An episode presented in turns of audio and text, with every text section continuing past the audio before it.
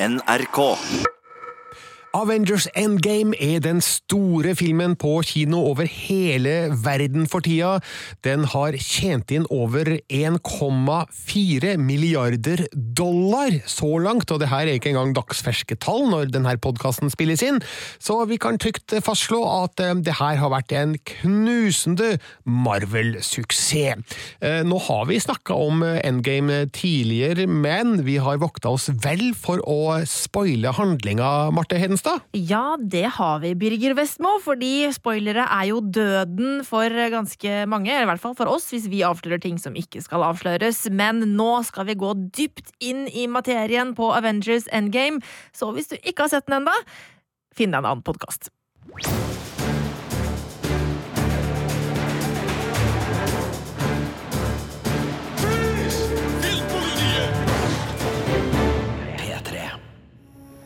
He used the stones again. Hey, hey, hey, hey. We'd be going in short-handed, you know? Look, he's still got the stones, so So let's get him. Use them to bring everyone back. Just like that. Yeah, just like that. Even if there's a, a small chance that we can undo this, I mean, we owe it to everyone who's not in this room to try. If we do this, how do we know it's gonna end any differently than it did before? Because before you didn't have me. hey, new girl. Everybody in this room is about that superhero life. And if you don't mind my asking, where the hell have you been all this time? There are a lot of other planets in the universe. And unfortunately, they didn't have you guys.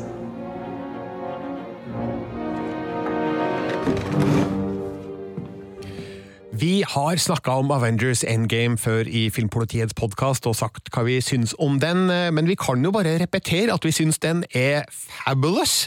Eh, Eller på godt norsk fantastisk, eh, overraskende morsom, underholdende og emosjonell, Marte. Ja, vet du hva, jeg gråt jo så mye. Eh, Jeg er jo en lettrørt person, eh, men likevel så syns jeg det her eh, Det var veldig fint. Jeg syns filmen klarte å kombinere skikkelig sånn underholdende action med mer dybde i seg, og, den starter jo altså Altså etter en, en, liten, en liten jakt på Thanos, så er det noen ganske sånn rolig greie, egentlig. Og um, jeg, jeg likte det veldig godt. Jeg syns det var fint at den tok seg tida uh, til å la oss kjenne på de følelsene. Da. Det er jo tross alt liksom den siste filmen i denne Marvel-æraen. Ja, og den eh, kulminerer jo og konkluderer flere av historietrådene på et vis som nok vil uh, virke overraskende på, på en del, men som jeg syns var en veldig passende avslutning for eh, visse deler av dette Avengers-universet. Og vi skal gå gjennom eh, noe av det i eh, dagens podkast. Vi skal ikke innom alle detaljer fra filmen, for det vil ta utrolig lang tid, men vi skal ta for oss det som vi syns er viktigst fra Avengers Endgame, så all spoilinga starter nå. Og eh, filmen åpner jo med en stille og rolig og behagelig scene der vi ser Hawkeye, spilt av Jeremy Renner, Lake med familien sin, og, og det var jo et veldig hyggelig gjensyn, fordi at han var jo borte fra den forrige Avengers-filmen Infinity War. Ja, eh, så det, jeg gleda meg veldig til å se han igjen, eh, men samtidig så ble jeg jo også helt sånn med en gang jeg så han, eh, og at jeg så at han var hjemme på gården sin, for jeg skjønte jo da med en gang at nå kommer det til å skje noe dritt. Ja, og vet du hva? Da det skjedde, så kom det faktisk overraskende på meg, fordi det var en så hyggelig sekvens eh, som ga meg en litt annen eh, ro i sjela, nær sagt, enn det en scene i en Avengers-film vanligvis eh, gir. Eh, men så plutselig så forsvinner jo eh, alle familiemedlemmene hans eh, i en askesky når han ikke ser på, og vi forstår jo med en gang da akkurat hvor i tidslinja vi nå befinner oss. Ja. Det er akkurat der eh, Thanos har knipsa med fingrene sine med den hansken med seks evighetssteiner, og klart, Hawkeye aner jo ikke hva som skjer og hvorfor det skjer, og den desperasjonen han tar og føler på i den her helt absurde situasjonen, den, eh, den gjør inntrykk, altså. Ja, den gjorde virkelig det. Da begynte jeg å gråte, og så tenkte jeg ok, det, det begynner allerede nå, ja. og allerede der så satt den jo tonen for, eh, for filmen. Mm.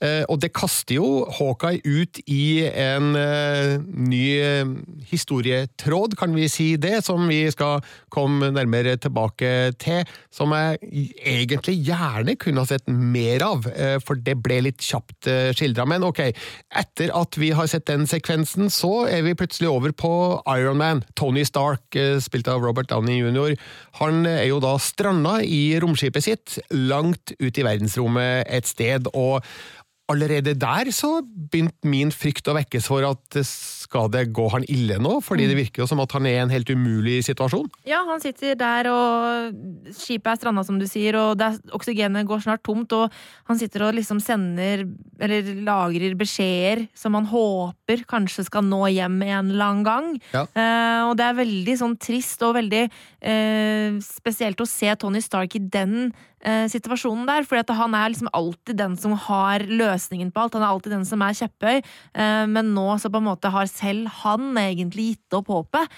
eh, og det gjorde inntrykk. Ja, og jeg tenkte at ja, men skal han forsvinne allerede nå? Ja. skal Russo-brødrene, som da har regissert det her, og eh, skal de sjokkere oss med at Iron Man dør med en gang? Er det mulig?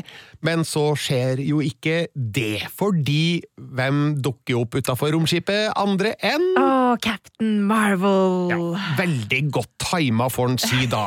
Og Ja. um, man kan jo spørre seg hvordan fant Captain Marvel egentlig Iron Man, og hvordan visste hun i det hele tatt at han var savna? Det kan jeg ikke huske om filmen gir noen spesiell forklaring på, Nei. Men jeg vet ikke om det er veldig viktig heller. Altså, vi så jo i Det var vel på, på slutten av uh, den forrige filmen så så vi det der klippet hvor de driver og prøver å sende ut uh, det signalet. Uh, men det var jo ikke akkurat der. Eh, så i det skipet var det vel ikke. Så, så det var vel på jorda. Ja. Eh, så ja, det, det har ikke jeg tenkt på før vi, nå! vi veit ikke helt hva som skjedde der, men Nei. eh, det er mulig at det her er en sånn detalj som man kanskje ikke bør henge seg altfor mye opp i, men det er uansett et veldig kult øyeblikk da, når Absolutt. eh, Captain Marvel plutselig da flyter forbi cockpit-vinduet, og Tony Stark forstår at eh, han er redda. Mm. det var en potensielt mørk situasjon, som med ett ble uendelig mye lyser, og vi forstår at eh, Iron Man selvfølgelig har en viktig mm, del av denne historien. Så de, de drar ned til mm, landjorda og møter resten av Avengers. De møter Natasha Romanoff, Bruce Banner, Steve Rogers, eh, Rocket fra Guardians of the Galaxy, det er litt morsomt, Uh, Thor og James Rhodes. Og um, uh, jeg tenker jo da at nå skal de samles og umiddelbart gå til aksjon, Uh, noe de også gjør, men på en annen måte enn jeg hadde forventa. Ja, hva var det du hadde tenkt? Nei, Hva hadde altså, du sett for deg, liksom? Jeg hadde sett for meg at de går til umiddelbar eh, krig eh, mot Thanos eh, på et, eh, langvarig, i et langvarig perspektiv. Men så skjer jo det veldig kjapt og eh, brått og brutalt, og plutselig eh, de oppsøker Thanos på en fjern, øde planet. og Thanos er helt uten forsvar, og det kan man jo lure på hvorfor i all verden eh, fant han det for godt å bosette seg på en planet uten å ha noe som helst eh, forsvar? Nei, altså jeg tenker at han var litt sånn det er veldig interessant det med Thanos, egentlig. For når vi har sett han i så mange forskjellige stadier av, av sitt liv og, og sin på en måte syke. Eh, og sånn som, eh, det blir jo litt sånn forvirrende, egentlig, i Endgame når vi får på en måte den gamle Thanosen inn igjen også. Fordi sånn som jeg opplevde han i Infinity War, så er han også på en måte han er sånn, litt resignert i det han vil gjøre. Altså han eh, han vil jo på en måte egentlig bare det beste, eh, som han mener er best. Og er på en måte villig til å egentlig liksom ofre alt for det han tror på. Da. Eh, og det jeg da tenkte i Endgame, er at han på en måte At det går inn på han. At det, det ser litt ut som at det valget faktisk har gått inn på han på ekte, og at han på en måte eh, har gjort det han fortsatt syns var det beste, men at eh, nå er det en tung bør å bære, og han på en måte trekker seg bort fra alt for å liksom bare leve sine siste dager eh, på et rolig sted. Ja, for hans store mål var jo å utslette halvparten av alt eh, levende liv, og det kan jo faktisk diskuteres om er ikke det for naturens del en helt fantastisk plan. Ikke sant? Altså sånn eh, Ting eh, vil eh, thrive når det på en måte får plass til å gjøre det, og ja, klodene er overbefolka, bla, bla, bla, alle disse tingene. Så man, man kan jo liksom, liksom forstå hvor Thanos kommer fra, Ja. men kanskje ikke helt enig i eh, at the ends justify the means akkurat på den fronten der, da. Men han lyktes med det i slutten av Infinity War, og kanskje har han rett og slett, som du sier, resignert litt og trukket seg tilbake, fordi han har, han har gjort det han uh, hadde satt som mål, og har ikke noe mer å, å, å, å gjøre og oppnå, så derfor så um, har han trukket seg tilbake i fred og ro, tror han. Men uh, Avengers får jo da hjelp av eh, Nebula, som nå er litt snill, og finner Thanos på denne planeten, og Eh, Jeg må jo si at jeg ble litt overraska da Thor plutselig bare kommer inn og halshugger Thanos. Det ble jeg òg. Ja, altså, what the hell? Nå hadde jeg forestilt meg at hele filmen skulle handle om krigen mellom Avengers og Thanos, og så dør han før det har gått eh, et kvarter. Ja, jeg også ble veldig sånn satt ut av det, og så ble jeg sånn Å ja! Var det alt? Fikk jeg litt sånn følelsen av akkurat der og da. Og så bare ja, ok, ja ja, liksom. Og så satt jeg litt med den følelsen, og så bare ok, ja ja, spennende at de skal nå prøve å jakte på disse steinene, da. Og, så, og derfor ble jeg så glad da den tvisten kom litt seinere, at Thanos oppdager det de holder på med, og, og, og kommer inn i gamet igjen. For da ble, det, da ble spenningen Da kom spenningen tilbake. Ja, for etter at Thanos blir halshugd, så eh, går det, går det jo plutselig fem år i historien. Og eh, da eh, har alle mine forventninger blitt snudd på huet, fordi nå, nå aner jeg ikke lenger hva historien skal gi meg. Nei, enig, og jeg liker veldig godt det der dystopiske fem år senere-bildet vi får. Eh, alt er liksom forlatt fordi halvparten av folka er jo borte. Folk går i krisegruppe for å prøve å takle det som har skjedd. Jeg fikk veldig sånn der, Det ga meg litt den følelsen som Det handler jo om det samme akkurat på det punktet. Den The Leftovers TV-serien. Eh, litt av den samme følelsen at de som er igjen, eh, hva det gjør med dem, da, når menneskene de har kjær, forsvinner bare plutselig, eh, og verden på en måte rett og slett raser litt sammen. Så det syns jeg var skikkelig kult. Men et lite stykke ute i de fem åra så skjer det jo da noe. Eh, Scott Lang, eh, aka Antman, eh, kommer ut av eh, kvantumriket. Ved hjelp eh, av en rotte. Ja, ved hjelp av en rotte! Og, og eh, det slår meg at eh, er den rotta den ene og fulle grunnen til at resten av filmen skjer? Ja, den må jo være det, fordi de kommer seg jo ikke liksom av gårde før Antman Ant-Man kommer inn i bildet, så, og han på en måte begynner å tenke at eh, ja, jeg, jeg har jo faktisk en, en tidsmaskin her, Ja. Eh, så ja, vi må sende en stor takk til den rotta. Ja, fordi jeg regner med at alle som hører det her nå har sett filmen og husker den rotta som da spaserer over et tastatur og eh, gjør at eh, Scott Lang eh, blir strålt ut av kvantumriket. Veldig random måte å få historien videre på, da. Ja. Det må jo sies, og kanskje hadde det vært en bedre historie om de hadde en litt bedre grunn til å få Ant-Man ut av kvantumriket. Eh, og så skal jeg vel også si at jeg ble litt forvirra siden jeg ikke hadde sett Ant-Man and the Wasp. Og, Ja, ikke sant? Så du visste ikke at han satt fast der før han sier det litt seinere i filmen? Ja, nei, jeg, jeg skjønte jo at han hadde vært satt fast et sted, men ikke akkurat hvordan det eh, har skjedd. Og jeg har fremdeles ikke sett Ant-Man and the Wasp, så den burde man kanskje ha sett da før man eh, får med seg Avengers eh, Endgame. Eh, men eh, han har da denne teorien om at tidsreise kan være en mulighet via dette kvantumriket, og de oppsøker Tony Stark for å be om hjelp. Eh, Og så viser det seg at eh, han har havna i en eh, ny livssituasjon. Ja, han har blitt far, rett og slett. Har trukket seg tilbake til et trivelig hus ved et vann. og lever på en måte et rolig liv, og sammen med Hva heter det, kona? Pepper Potts. Pepper, ja. På en måte det livet hun egentlig alltid har ønsket kanskje at de skal ha levd, og har lagt Avengers-dagene bak seg.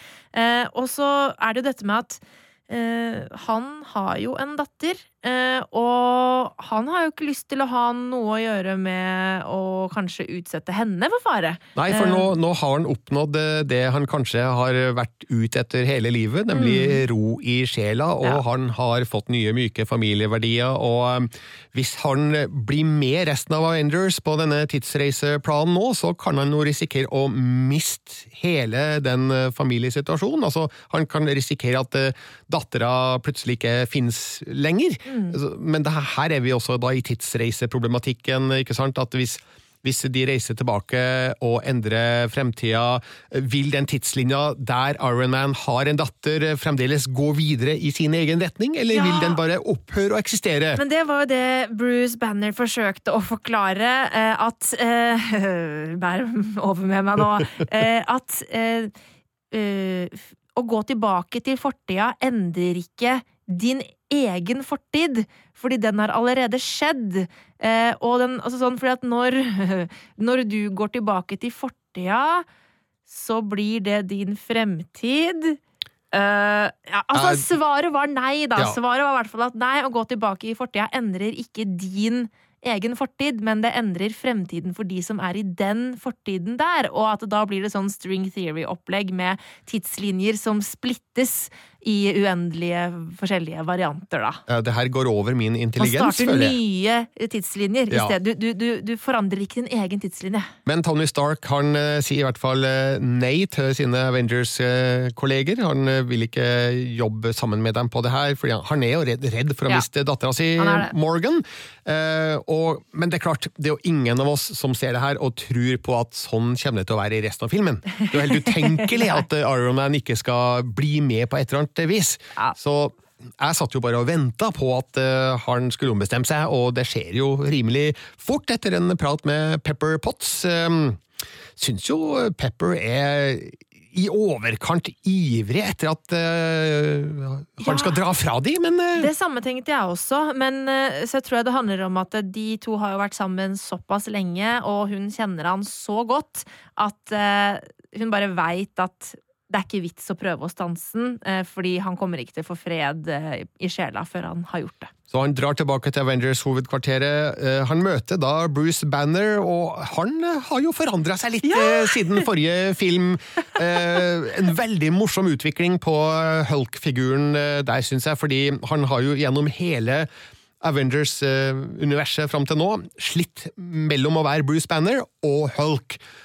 Men nå ser det ut som at Banner har innsett at eh, han og Hulk er jo en og samme person. Ja, og han trives eh, med å være den store grønne hulken, eh, ser det ut til, og eh, han blir veldig morsom eh, i den rollen. Jeg liker veldig godt denne versjonen av hulken, Ja. Eh, så det, det bidro til veldig mange artige scener underveis i filmen. Ja, den scene der de reiser tilbake Ja. til New York, der vi i bakgrunnen ser hendelser fra den første Avengers-filmen, Ja. og så står da den nye, moderne Hulk og prøver å late som at han er den gamle Hulk, og det lykkes han ikke veldig godt med, for han har ikke det sinnet i seg lenger. Det var veldig gøy. Ja, det var veldig morsomt.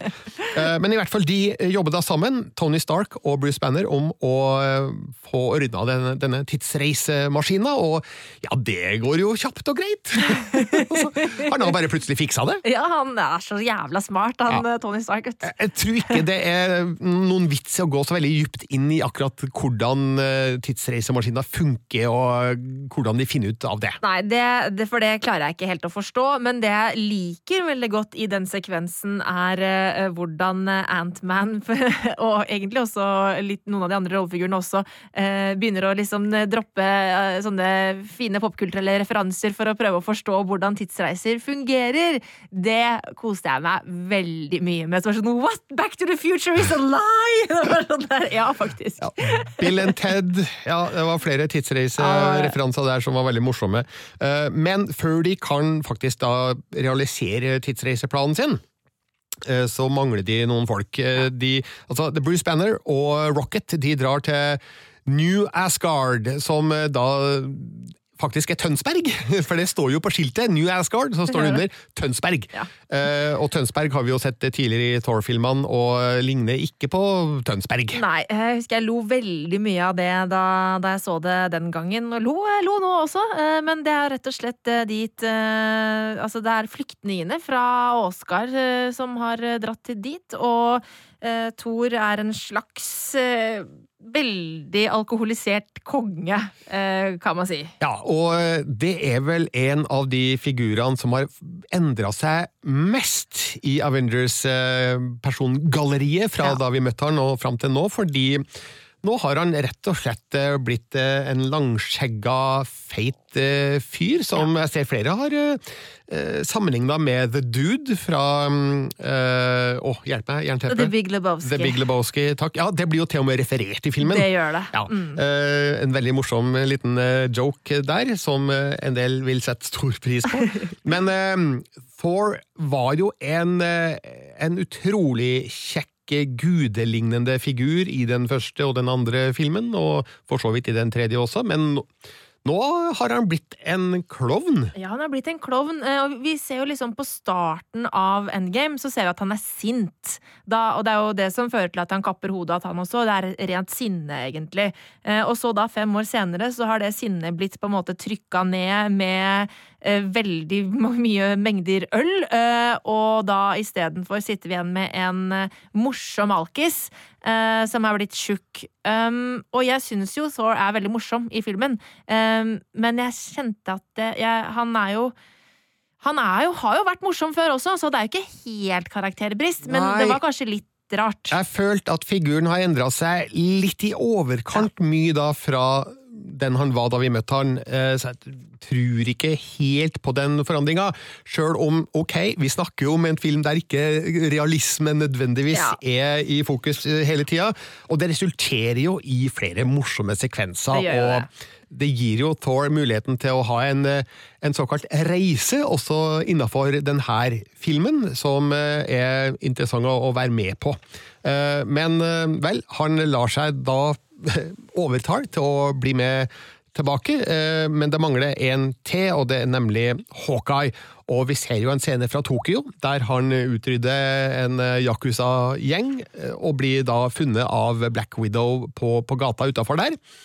Og det tenker jeg er en scene som gjør meg nysgjerrig på hva annet er det Hawkeye har bedrevet egentlig i løpet av de her fem åra? Ja, altså vi hører jo um, Vi hører jo at um, Black Widow snakker litt om han eh, litt tidligere i filmen. At ja, det er vel han Uten at de sier hvem det er, tror jeg. At det, nå har han holdt på igjen, og det er han som driver, og shit, hva skal vi gjøre, og sånn. Eh, så han har rett og slett bare der hvor eh, Thor har eh, drukket bort eh, sine sorger, så har Hawkeye prøvd å fighte bort sine sorger. Altså, han går ut på en sånn slags vendetta han aldri egentlig kan få innfridd, fordi han bare dreper folk ut, som egentlig ikke har noe med dette å gjøre, men liksom bare dreper slemmingene for å prøve å gi seg selv ro i sjela på et eller annet vis. Jeg har en tanke som jeg ikke vet om er reell eller ikke. Altså, jeg vet at tanken er reell, men ikke teorien, da. Er at eh, det planlegges jo en Hawkeye-serie for Disney pluss. Ja. Og kanskje er det disse fem åra som eh, er innholdet i den serien? Det hadde vært veldig kult. Eh, Det, det liker jeg. For jeg mener å huske at da vi leste om den, da vi fikk den nyheten om den serien første gangen, så, så var det også nevnt at, at Hawkeye skulle gi Gi over liksom mantelen til en ny person. Eh, og det kanskje det er på slutten av disse fem åra, da. Kanskje. Når han finner tilbake til familien igjen. Ja. Eventuelt. Vi vet ikke, det vil, eh, det vil vise seg når denne serien blir annonsert ordentlig, men det er i hvert fall en teori som du hørte først her i Filmpolitiets podkast. Ja, og så er det jo, er det jo da mm, jakten på disse evighetssteinene som eh, er i gang fordi eh, de trengs, eh, for å si det sånn, og eh, jeg føler jo at hele konseptet med evighetssteinene og tesseraktene er fremdeles litt sånn tull.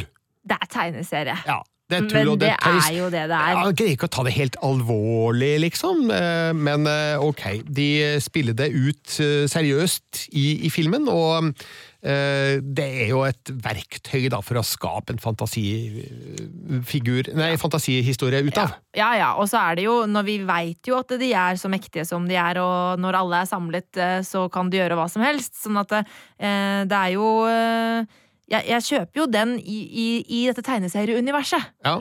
Det gjør jeg.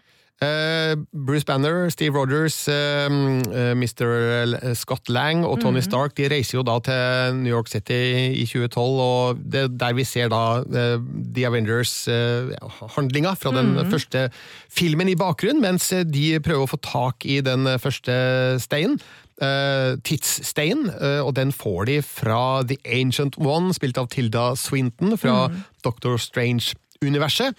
Uh, og så får de tak i The Mind Stone. Og jeg har glemt hva den heter på norske. Hva den Jeg har ikke peiling. Eh, Men eh, Steve Rogers eh, får tak i den. Ja, nå må jeg bare holde tunga rett i munnen her nå, for Steve Rogers får tak i Mindstone, og så er det da Lang og Stark som Ja. prøver å få tak i Space Stone. Men, Den er inne i Tesseracten. ja, men Loki, Han stjeler den. han stjeler den og forsvinner. Hvor blir det av Loki?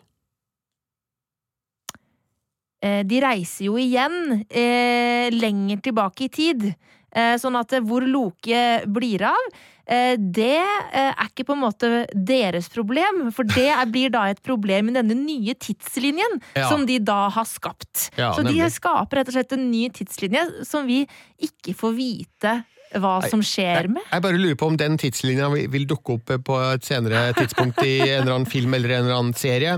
Men, men Loki stikker av med Space Stone, eh, så um, Steve Rogers og Tony Stark drar jo da til Shield hovedkvarteret i år 1970 og eh, stjeler uh, Space Stone i en uh, ja, tidligere utgave, kan vi si da. Eh, og der får de også tak i eh, såkalte Pym-partiklene fra Yes. oppfinneren Hank Pym, som de da trenger for å reise i tid med. Og Tony Stark får møte sin egen far, og var ikke det fint? Det var et eh, nydelig øyeblikk eh, som jo lukta litt fanservice. Ja. Eh, men, men det var et nydelig øyeblikk som jeg tror Tony Stark virkelig trengt. Ja, det tror jeg også. Jeg synes det var skikkelig fint. Og så var det så morsomt at på en måte sønnen gir råd til sin egen far om hvordan være en god far, og ehm, det var et sånt derre Ja, det var skikkelig fint, syns jeg. Jeg ble faktisk veldig rørt av det. Ja, nei, det, var en, det var en vakker eh, scene, og eh, det ga jo et eh, nytt innblikk i eh, gamlefar Stark. Eh, Jeg husker ikke hva han heter. Var det Howard. Howard Stark, ja. ja. Eh, samtidig som eh, Tony Stark fikk en slags closure, heter det vel på godt engelsk. Mm. så det var, det var et fint lite sentimentalt, nostalgisk eh, blikk inn i livet mellom Stark-familiens eh, far og sønn. Ja. Eh, de drar da tilbake til nåtida med denne steinen, og Rocket og Thor de drar til Oscar, eller Asgard, i 2013 for å få tak i Reality Stone. Eh, virkelighetsstein. Jeg husker fremdeles ikke hva steinene heter på norsk. Eh, Men i, hvert fall, de får den eh, fra Jane Foster, og, og Thor får tak i hammeren sin. Ja, og får møtt mora si. Nok et eh, sentimentalt og veldig fint øyeblikk. De spilte veldig mye på sånne type gjensyn eh, i, i filmen her. Eh, men, men hele den sekvensen der var jo på en måte både kjempemorsom, eh, veldig mye comic relief i hele den greia, jeg lo masse, men også var det veldig fint, og så syns jeg det var kult at mora bare jeg skjønner at du ikke er den sønnen som jeg kjenner her og nå. Ja. Eh, Det har ikke gått så bra for deg, gutten min, har det vel det? Nå må du ta deg sammen. Så jeg likte det. Ja, jeg syns hun tok det egentlig ganske med ro, at ja. hun plutselig fikk besøk av sønnen sin fra fremtida. Hun er heks, vet du, så hun, hun vet eh, et og annet. Hun, hun skjønner at sånt eh, kan gå an, og foregår hele tida. Eh, og så er vi da på planeten Morag i, i, i 2014, der eh, Nebula og Rhodes får tak i Power Stone. Eh, De, de, de møter jo da på Peter Quill fra Guardians of the Galaxy fra starten av eh, den filmen, der han går rundt og danser til uh, musikk, og så blir han bare knocka ut av de, Ja. og, men, men og der begynte jeg å grine igjen, jeg, da jeg så han. Og musikken, når musikken kom, og du skjønner at det, Og nå, nå skjer det, liksom. Og da, da begynte jeg å grine, for bare sånn Og han er død! Eh, Nemlig. Men igjen, siden de knocker ut Peter Quill der, Ja. skjer da ikke resten av Guardians of the Galaxy, egentlig? Ikke i den nye timelinen som da starter for det universet. Ja, det her er veldig forvirrende! String theory, tror jeg det heter. Jeg driver og sier string theory nå, Ja. for jeg tror at det er det det heter. Men jeg er ikke helt sikker. Men uh, Rhodes han drar jo da tilbake til nåtida med denne Power Stone. Nebula derimot, hun greier ikke å reise derifra fordi det skjer noe mellom hun og hennes eget jeg i 2014-versjonen i Morag. Yes, de er på samme nettverk, og da blir det kluss oppi eh, denne eh, halvveis robothjernen. Ja, og det er derfor Thanos eh, på Morag i 2014 får nyss i at Avengers driver med noe tidsreiseplanlegging mot han. Og det var altså så kult. Og da, altså da, da det skjedde, jeg bare Å, shit! Jeg fikk sånn «Åh!» Jeg tror jeg holdt meg for munnen og sånn mens jeg så satt der i kinosalen. Det var veldig spennende. Det åpna for eh, meget store muligheter i handlinga, som jo eh, de eh, utnytter til fulle, fordi eh, Thanos da tar jo da eh, nåtidsnebula til fange, og sender 2014-nebula til nåtida, som en slags eh, spion, eller undercover-agent, kan du si, som eh, Avengers-heltene selvfølgelig ikke veit noe om. Eh, Barton og eh, Romanoff drar til planeten Vormir eh, samtidig, eh, og der eh, møter de Red Skull. Ja, og jeg må bare si, eh, i den podcasten, eh, den forrige podkasten hvor vi snakket om eh, at du hadde sett eh, Endgame, og, jeg sa litt, og det var jo før jeg hadde sett den, og så sier jeg eh, til deg da, Birger, at jeg syns Black Widow er litt sånn kjedelig, eh, og at jeg liksom egentlig ikke har hatt sånn veldig stor sansen for hun. Jeg gråt så masse. Du gjorde det. Så jeg fikk plutselig veldig stor sansen for hun eh, akkurat eh, her og nå. Ja, fordi eh, Barton og Romanoff eh, de er jo ute etter eh, Soulstone, og eh, de får jo da vite av Red Skull at den kan de bare få ved å ofre noen de elsker. Og så blir det en, en kamp mellom Black Widow og Hawkeye, hvem av dem som skal ofre seg for at den andre skal få med seg Soulstone. Eh, og det blir jo en actionsekvens, egentlig, der begge kjemper for å få kasta seg utafor det stupet og ned i døden. Og, og det ble jo en ganske spennende sekvens der eh, det hele tida er litt sånn uvisst hvem av dem som lykkes med å dø. Det høres Ja. jo helt rart ut å, å si det. Og så er det da Black Widow som eh, på en måte vinner og taper. Hun kaster seg i, i døden. Og jeg må si at jeg- dessverre så følte jeg ikke noe spesielt da. Gjorde du ikke? Og jeg begynte å grine, jeg. Selv som Ja, men- sagt at jeg ikke syns hun har vært så veldig spennende figur eh, frem til nå, så, så ble jeg veldig rørt. Men jeg tror det som rørte meg av det, var det der dype vennskapet da, mellom dem, som gjør at eh, de er villig til å ofre seg for den andre. Eh, Så det var det som rørte meg, tror jeg, i den situasjonen. Ja, men jeg tror at eh, brødrene Russo, Joe og Anthony altså, da, de fokuserte veldig på action-aspektet ved den scenen, og glemt å skru til det emosjonelle ordentlig. Eh, Jeg er jo at- veldig rettrørt, så Ja, men jeg skulle hatt et sånn du vet, sånn Titanic-øyeblikk når, eh, når oh. Kate lar eh, Leonardo eh, Ja. gli ned i vannet. Altså, en sånn type avskjed da med Black Widow hadde kanskje vært litt mer virkningsfull enn den litt kjappe actionvarianten som jeg syns vi fikk servert da i Avengers Endgame. ser den. Men uh, hun dør, og så lurer jeg jo på hva vil det ha å si for den planlagte Black Widow-filmen? Nei, skal det være en prequel, da? Ja, eller skal de vekke opp Black Widow på et eller annet vis? Altså, mange har jo spurt seg om kan ikke alt det som skjer i Endgame også forandres da, med noen flere tidsreiser? Ja, men det var jo det han sier. Han, altså, eh, Hawkeye sier det så veldig. It cannot be undone, it cannot be undone. Um, Hvorfor ikke? sikkert fordi at det er litt sånn annerledes at du Nei, jeg veit da søren, jeg. Nei, for at hun kan jo ikke dra tilbake, ikke sant? Altså, øh, og, og hvis de da øh, hvis, Det det som er greia, er at det, kun hvis du lever og drar tilbake i fortida, så kan du endre din egen fremtid, på en måte. Men ved å dra tilbake øh, i fortida, så må de jo da ta med seg på en måte feil herm, i hermetegn Black Widow hjem til nåtiden, for hun tilhører da på en måte egentlig en annen tidslinje. Ja, ok. Vet du hva, Jeg blir så forvirra av alle disse tidslinjene, Birger, så kanskje, kanskje det skjer. Men nå har vi kommet til det punktet i filmen der um, Avengers har fått tak i alle evighetssteinene, fått dem til nåtida. De lager en ny hanske, og uh, Bruce Banner har en knipse med fingrene og gjør om alt det Thanos har gjort i Infinity War, og um, alt er fryd og gammen.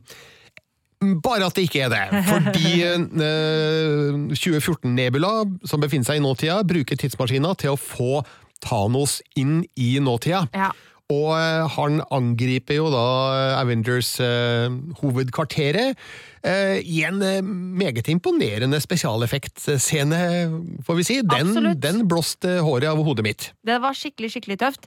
Eh, men jeg syns det eh, var litt rart at alle overlevde. Ja, det kan du si, men de er superhelter! De er superhelter! De er Og de har på seg drakter, og det er Ja, sikkert masse hjelp i det.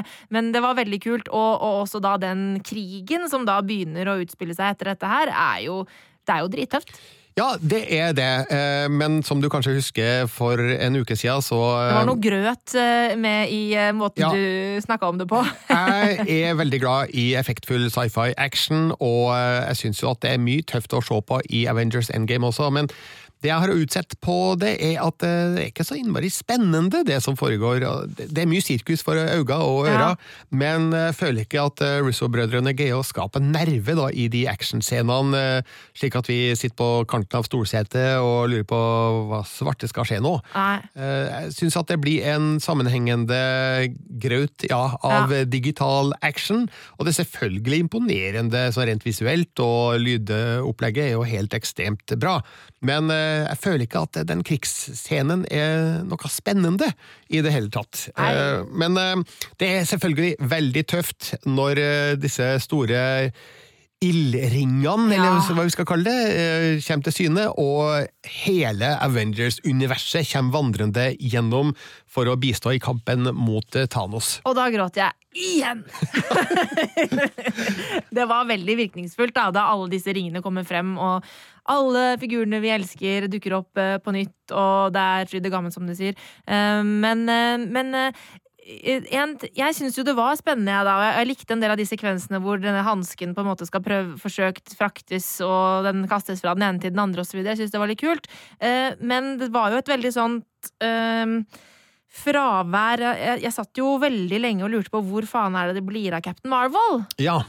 Hun er jo litt til og fra, for å si det sånn, men hun forklarer det jo tidlig i filmen at eh, hun, eh, hun må være til stede på tusenvis av planeter, Ja. og kan ikke være på ett sted hele tida.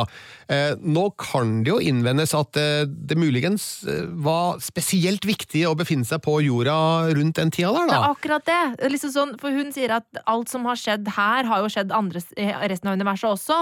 Men, men så på en måte Det er vel kanskje derfor hun dukker opp, da. At eh, nå som alle kommer tilbake Ja, hvordan veit hun egentlig at Thanos uh... Nei, det vet vi ikke hvordan hun veit. Hun Eh, veit ganske mye, hun! Ja, hun vet ganske mye. Jeg vet ikke om noen har sendt et signal til hun Ja, At Nick, Nick. Fury har blitt vekka til live igjen og sendt et nytt eh, signal Ja, til. Captain Marvel. Det blir ikke forklart Nei. ordentlig, men i hvert fall så Uh, Hun er jo uh, en av de som uh, kommer tilbake sammen med Skal vi se om jeg husker alle sammen? Det er altså alle i Avengers, alle i Guardians of the Galaxy.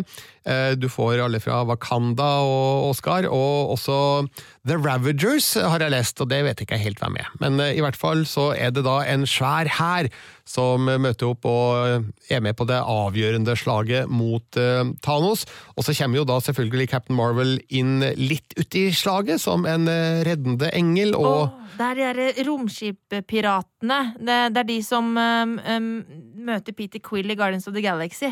Ah, Det er de der. Ja. Nemlig. De eh, er med også, ja. Det la jeg ikke merke til. Eh, I hvert fall så blir det en eh, kamp om steinene til slutt, der Thanos får tak i steinene fra Thor.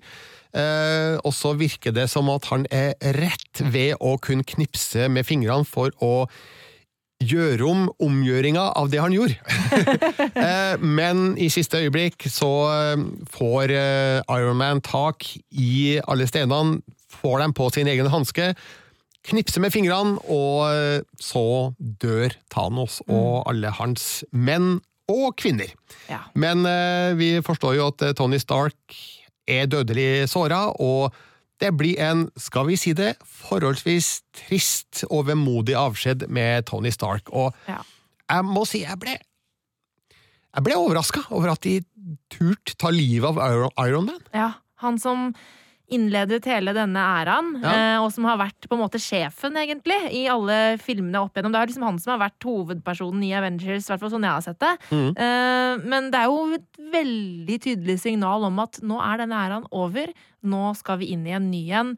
Um, og han, altså Robert Downey jr. han er jo en eh, voksen fyr, liksom, så, så jeg, skjønner jo at på en måte hans eh, superheltskuespillerdager begynner å kanskje nærme seg slutten. Og eh, de kunne jo valgt å pensjonere Iron Man.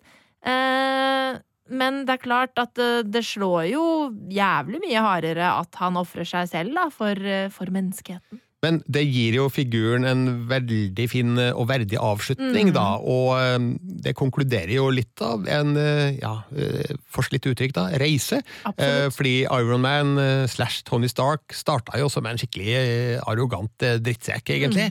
En morsom en, da, men han var opptatt av seg sjøl og sitt, og var veldig rik og eh, materiell, kan vi si. Mens i slutten av Infinity War, nei, unnskyld, Endgame, så har han fått eh, mer menneskelige verdier og, og kjempe for eh, verdier som er mer riktig, kanskje, da, å, å kjempe for. Og det handler jo om familie og samhold og tilhørighet og vennskap og alt det der. Så der får Iron Man en kul, en veldig fin eh, dødsscene, scene som en passende utgang på figuren. Men det jeg syns var så rart i dette slaget, var at jeg eh, Og jeg vet ikke om det jeg, vet, jeg tror jeg hadde tenkt det uansett, men det har jo selvfølgelig da øh, vært litt oppi eh, hjernen min på grunn av at Brie Larson har jo gått med Infinity Stones-smykker på hver eneste endgame-premiere hun har vært på. Eh, og det, kombinert med at hun jo er så mektig som hun er, fikk meg til å tro at Altså, jeg trodde Captain Marvel skulle ta hanskene. Ja. Jeg, jeg, jeg satt og venta på at det skulle skje, så jeg ble så overraska over at det ikke skjedde. Altså, Hadde hun tatt hansken og utført det knipset, Så hadde jo Så- alle levd. ja, inkludert hun, Ja, altså hun hadde jo overlevd det. det tenker jeg også. Eh, samtidig så lurer jeg jo på en annen ting, da, det er litt teit kanskje, men eh, når man knipser med den hansken, åssen veit hansken og steinene hva tror- man eh, ønsker å oppnå med Ja, det? det har jeg tenkt på. Jeg, jeg, jeg har sett for meg at når du knipser, det du tenker på at du vil skal skje når du knipser, det skjer. Altså Hvis Iron Man har tenkt iskrem! Så hadde jeg fått sykt masse iskrem. det hadde regna iskrem. Nemlig. Men eh, la oss ikke henge oss opp i det. Eh, det var liksom en fantastisk avslutning på filmen, men så viste det seg jo at filmen har jo mer å by på. Ja. eh, som overraska meg skikkelig. Altså, eh, Thor gir på en måte mm, ja, Først får vi jo Tony Starks begravelse. Der får vi jo en fantastisk kameravandring gjennom eh, alle de sentrale figurene i Avengers-universet.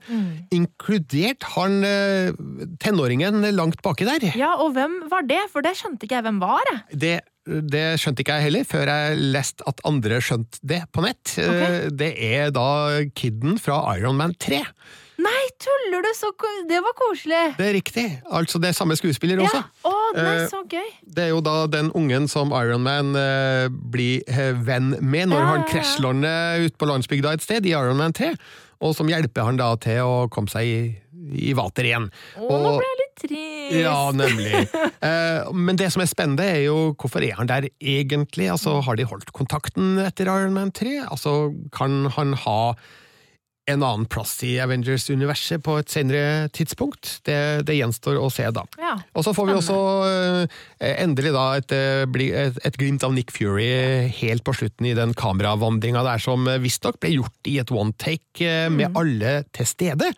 Og eh, det sies at det var i forbindelse med en photoshoot også, som jeg tror det var Vanity Fair som hadde en stor photoshoot med Avengers-skuespillerne. så de tok to fluer i ett smekk, eh, rett og slett. da. Men etter begravelsen så øh, overlater Thor øh, mantelen, kan vi si det, til Valkyrie, som da blir den nye sjefen i New Asgard. Og uh, Thor forsvinner da inn i Guardians of the Galaxy, som vi da Jeg antar at han da blir med i Guardians of the Galaxy 3, som James Gunn eh, nå skal regissere. Og det var en morsom liten eh, maktkamp som pågikk der. Da lo jeg sånn skikkelig, skikkelig høyt. Ja, det var, det var gøy. Uh, jeg vet ikke, Peter Quill eller Thor? Hvem er sjefen? Uh, så langt virker det som at det er Peter Quill, men jeg er litt usikker på det. Vi får nok se mer av den eh, maktkampen der i Guardians of the Galaxy 3. Ja. Uh, Quill uh, starter jo da letinga etter eh, 2014-versjonen av Gamora, som vi vel har glemt å nevne tidligere i denne podkasten. Ja. Eh, etter velkomment gjensyn etter at hun døde i Infinity War. Men nå lever hun, eh, forhåpentligvis igjen. Eh, Steve Rogers han får da oppgaven om å levere tilbake evighetssteinene på sine rette steder, for å ja, sikre at uh, ikke noe mer kan skje med Ja, tiden. At ikke de fucker opp tidslinjene som uh, de har stjålet disse steinene fra. Men det har de jo fucka opp, den ene. Ja. Den med Loke. Ja, det har de. Så eh, det gjenstår å se om de spiller videre på det i en senere film. Men noe uventa skjer når de sender Captain America tilbake i tid, og han skal jo da egentlig komme tilbake igjen etter fem sekunder, men gjør det ikke. Og i stedet så dukker Steve Rogers opp som en gammel mann i nærheten.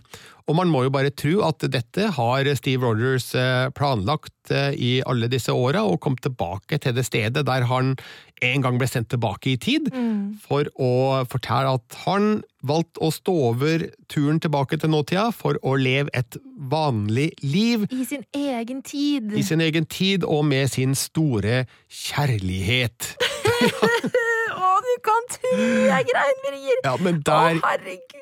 Der fikk vi en nydelig dansescene der Ja. Steve Rogers er gjenforent med sin kjære Er det Peggy hun heter? Eh, det husker jeg faktisk ikke. Eh. Carter. Det er, heter i hvert fall Carter. Ja, Peggy Carter. Peggy Carter, ja. ja. Det var Eh, nydelig, og det var, det var jo på en måte eh, hva skal vi si, bittersweet. Man kan ikke si det noe annet enn det, for det er jo supertrist at, eh, at vi på en måte mister vår Captain America, men han får på en måte endelig leve ut det livet han alltid har drømt om. ja. Og det er jo kjempefint. Men det vekker nye spørsmål, Marte. Det gjør det. For Captain America med sine superkrefter har han levd et vanlig liv gjennom hele andre verdenskrig, gjennom hele Koreakrigen, gjennom hele Vietnamkrigen, gjennom alt som har skjedd av jævelskap i verden helt siden han dro tilbake i tid. Har han latt være, har, har han latt være å gripe inn, eller har vi da en helt ny tidslinje med Captain America-eventyr som muligens kan bli filma på et senere tidspunkt? Du spør godt, mister Birger Vestmo. Ja, men har du et svar? Nei, jeg har ikke et svar. Eh, ja, altså, ja er vel svaret på det. Altså, og hvis uh, det er penger og lyst, som det jo helt sikkert er, så er noe, i- står vel ikke noe i veien for å, å gjøre noe sånt. Nei, men altså, Kanskje skjer det aldri, men jeg bare tenker på hva, hva, hva sier det om figuren hvis han har valgt å leve et normalt liv og ikke gjøre en forskjell med de evnene vi vet han har? Mm. Ja, oi. Men han har jo på en måte levd et langt liv hvor han har prøvd å hjelpe folk, da. Men altså, har man, et, har man automatisk et ansvar når man har krefter? Det er jo det du spør, egentlig. With great powers Comes great responsibility. Det er sant. Ja. Så det er mulig at jeg tenker at det er noe her som det kan gjøres noe ut av på et eller annet tidspunkt, men eh, det er jo uansett en eh, nydelig utvikling av Captain America, da, at han eh, fikk lov til å slippe å være denne superhelten som har ofra så mye. Ja. Også, også hun, også, men, men Carter er jo Hun er jo ikke en eh, liksom eh, hjemmeværende kone. Altså, hun er jo en driftig dame som jobber på for å gjøre en forskjell i verden. Så jeg kan jo se for meg at de to kanskje har jobba i tospann, eh, eller noe sånt. Det kan man jo tenke muligens er en eh, mulighet, ja. Eh, I hvert fall så sier den gamle Steve Rogers eh, takk og farvel til Captain America-rollen, og han gir jo da sitt kjente skjold videre til Sam Wilson, og så får vi se om han får til å være den nye Captain America på et eller annet tidspunkt. Så det var vel i hovedtrekk filmen, og jeg vet ikke med deg, Marte, men jeg satt selvfølgelig igjen under hele rulleteksten for å vente på det som skulle komme etterpå. Ja, og nå må jeg nå, Hvorfor begynner jeg å grine av det? Eh, det har vært en veldig emosjonell uke for meg. Det har vært veldig mye Game of Thrones-greier, og jeg, jeg er veldig jeg, jeg sjaber, så jeg griner lett om dagen. Men eh, det var Jeg satt og venta, og så satt jeg underveis og venta liksom sånn og tenkte Men kommer det noe nå? For nå er det jo egentlig ferdig. For alle disse etterpågreiene som vi har hatt gjennom filmene, har jo pekt på neste ting. Eh, så, jeg, så jeg satt egentlig og tenkte at det kanskje ikke var noe. Eh, og så var det jo ikke det. Eh, og da ble jeg på en måte litt trist, samtidig som jeg tenkte at ja, men det var egentlig litt fint. Det var fint. Men det er én liten ting. Jeg vet, altså, helt på slutten, etter rulleteksten, så får du eh, Marvel-logoen. Så hører du noen sånne smijernsslag. Ah, det, det hørte jeg ikke! Ja, det, det sier bank, bank, bank, som om noe Oi. blir smidd. Eh, og jeg vet ikke om det har noe betydning, eller om det her er noe som vanligvis eh, skjer. Jeg kan- ikke si at jeg registrerte før, Nei. men i hvert fall eh, det er mulig at eh, det er et lite tegn på at eh, de har flere jern i ilden, da. Ja, kanskje det. Men jeg må, jeg må bare si om den rulleteksten. Den Ja. synes jeg var skikkelig fin. Eh, At de tok seg tid til hver og en av eh, rollefigurene i The Avengers og på en måte tok et sånt farvel med dem i rulleteksten. Ja, Det var veldig fint. og de fikk sett sin signatur på Ja. rulleteksten. Det var veldig Ja, da jeg grein gjennom det òg, jeg. Det òg, ja. Ja, nemlig. Nydelig, Marte. Nydelig. Men eh, det er jo klart at eh, de virkelig slo på stortromma her eh, for å for å markere at nå, nå er de ferdig med denne fasen av mm. Avengers, og det er siste gang vi får se Avengers i denne konstellasjonen. Det, jeg vet ikke om vi noen gang får en ny film som heter noe med Avengers, men en del av disse heltene, altså de fleste, overlevde jo. Ja. Eh, Så jeg regner med at vi får se dem igjen i en eller annen sammenheng, men ikke som Avengers, tenker jeg. Ikke Nei. uten uh, Tony Stark og Black Widow. Kanskje de vil kalle seg The New Avengers? eller uh, The Revengers, eller et eller annet. Vi, vi får se. Det fins muligens en eh, presedens for det her i Marvels tegneserieunivers, uten at jeg er så veldig godt kjent med det. Ja, for jeg vet jo at det, opp gjennom åra i tegneserieuniverset har vært ufattelig mange forskjellige rollefigurer med i The Avengers. Um, men jeg veit ikke om Tony Stark ikke har vært med. Det vet jeg faktisk ikke. I hvert fall så er det en ting som er klart, og det er at det, det fins flere figurer i Marvels tegneserie, tegneseriekartotek, eller arkiv. Jeg bare så på marvel.com, de har jo en alfabetisk oversikt fra A til Z. Ja. Og det, det er hundrevis! Ja. Det er hundrevis av figurer som vi ikke har sett på film, og eh, som de helt sikkert kan gjøre hva som helst med. Eh, Selvfølgelig er jo ikke alle like kjent, og noen har kanskje bare vært med bitte, bitte, bitte litt, men eh, det går an å lage mye ut av lite på film, og eh, jeg tror at Marvel kommer ikke til å slutte å lage film av sine figurer før publikumstallene begynner å gå en, for alvor nedover. Ja, og det er jo litt morsomt, for at det, nå har de holdt på i årevis, eh, og nå er det den film, altså Endgame, slår alle mulige rekorder. Eh, så sånn Når skal det slutte? Altså, jeg, jeg, jo, jeg tror jo ikke at neste Marvel-film klarer å nå denne eh, høyden her. Eh, men den kommer sikkert fortsatt til å ha gode tall. Hva tenker du om det? Jo, jeg tror at eh, de veit nå hvordan de skal eh, fange publikum, og hvordan de skal skape interesse for eh, sine figurer og sine historier. Eh, og de må jo selvfølgelig også ha et fokus på å fornye seg, slik at eh, vi ikke føler vi får det samme gamle. Det var jo mitt problem med Captain Marvel, som jeg vet vi er uenige om, eh, Marte. Men eh, sjøl om jeg liker figuren Captain Marvel, så syns jeg filmen stort sett var mer av det samme som vi hadde fått mye av tidligere. Uh, og jeg var litt skeptisk da foran eh, Endgame om eh, det kom til å bli enda mer av, mer av det samme, fordi det ble jo signalisert tidlig at den var tre timer lang, men den overraska meg med en litt annerledes måte å fortelle historien på, som ga meg nytt håp om at Marvel er villig og i stand til å gjøre ting med dette universet sitt som eh, stadig overrasker da, og, tar oss i nye retninger.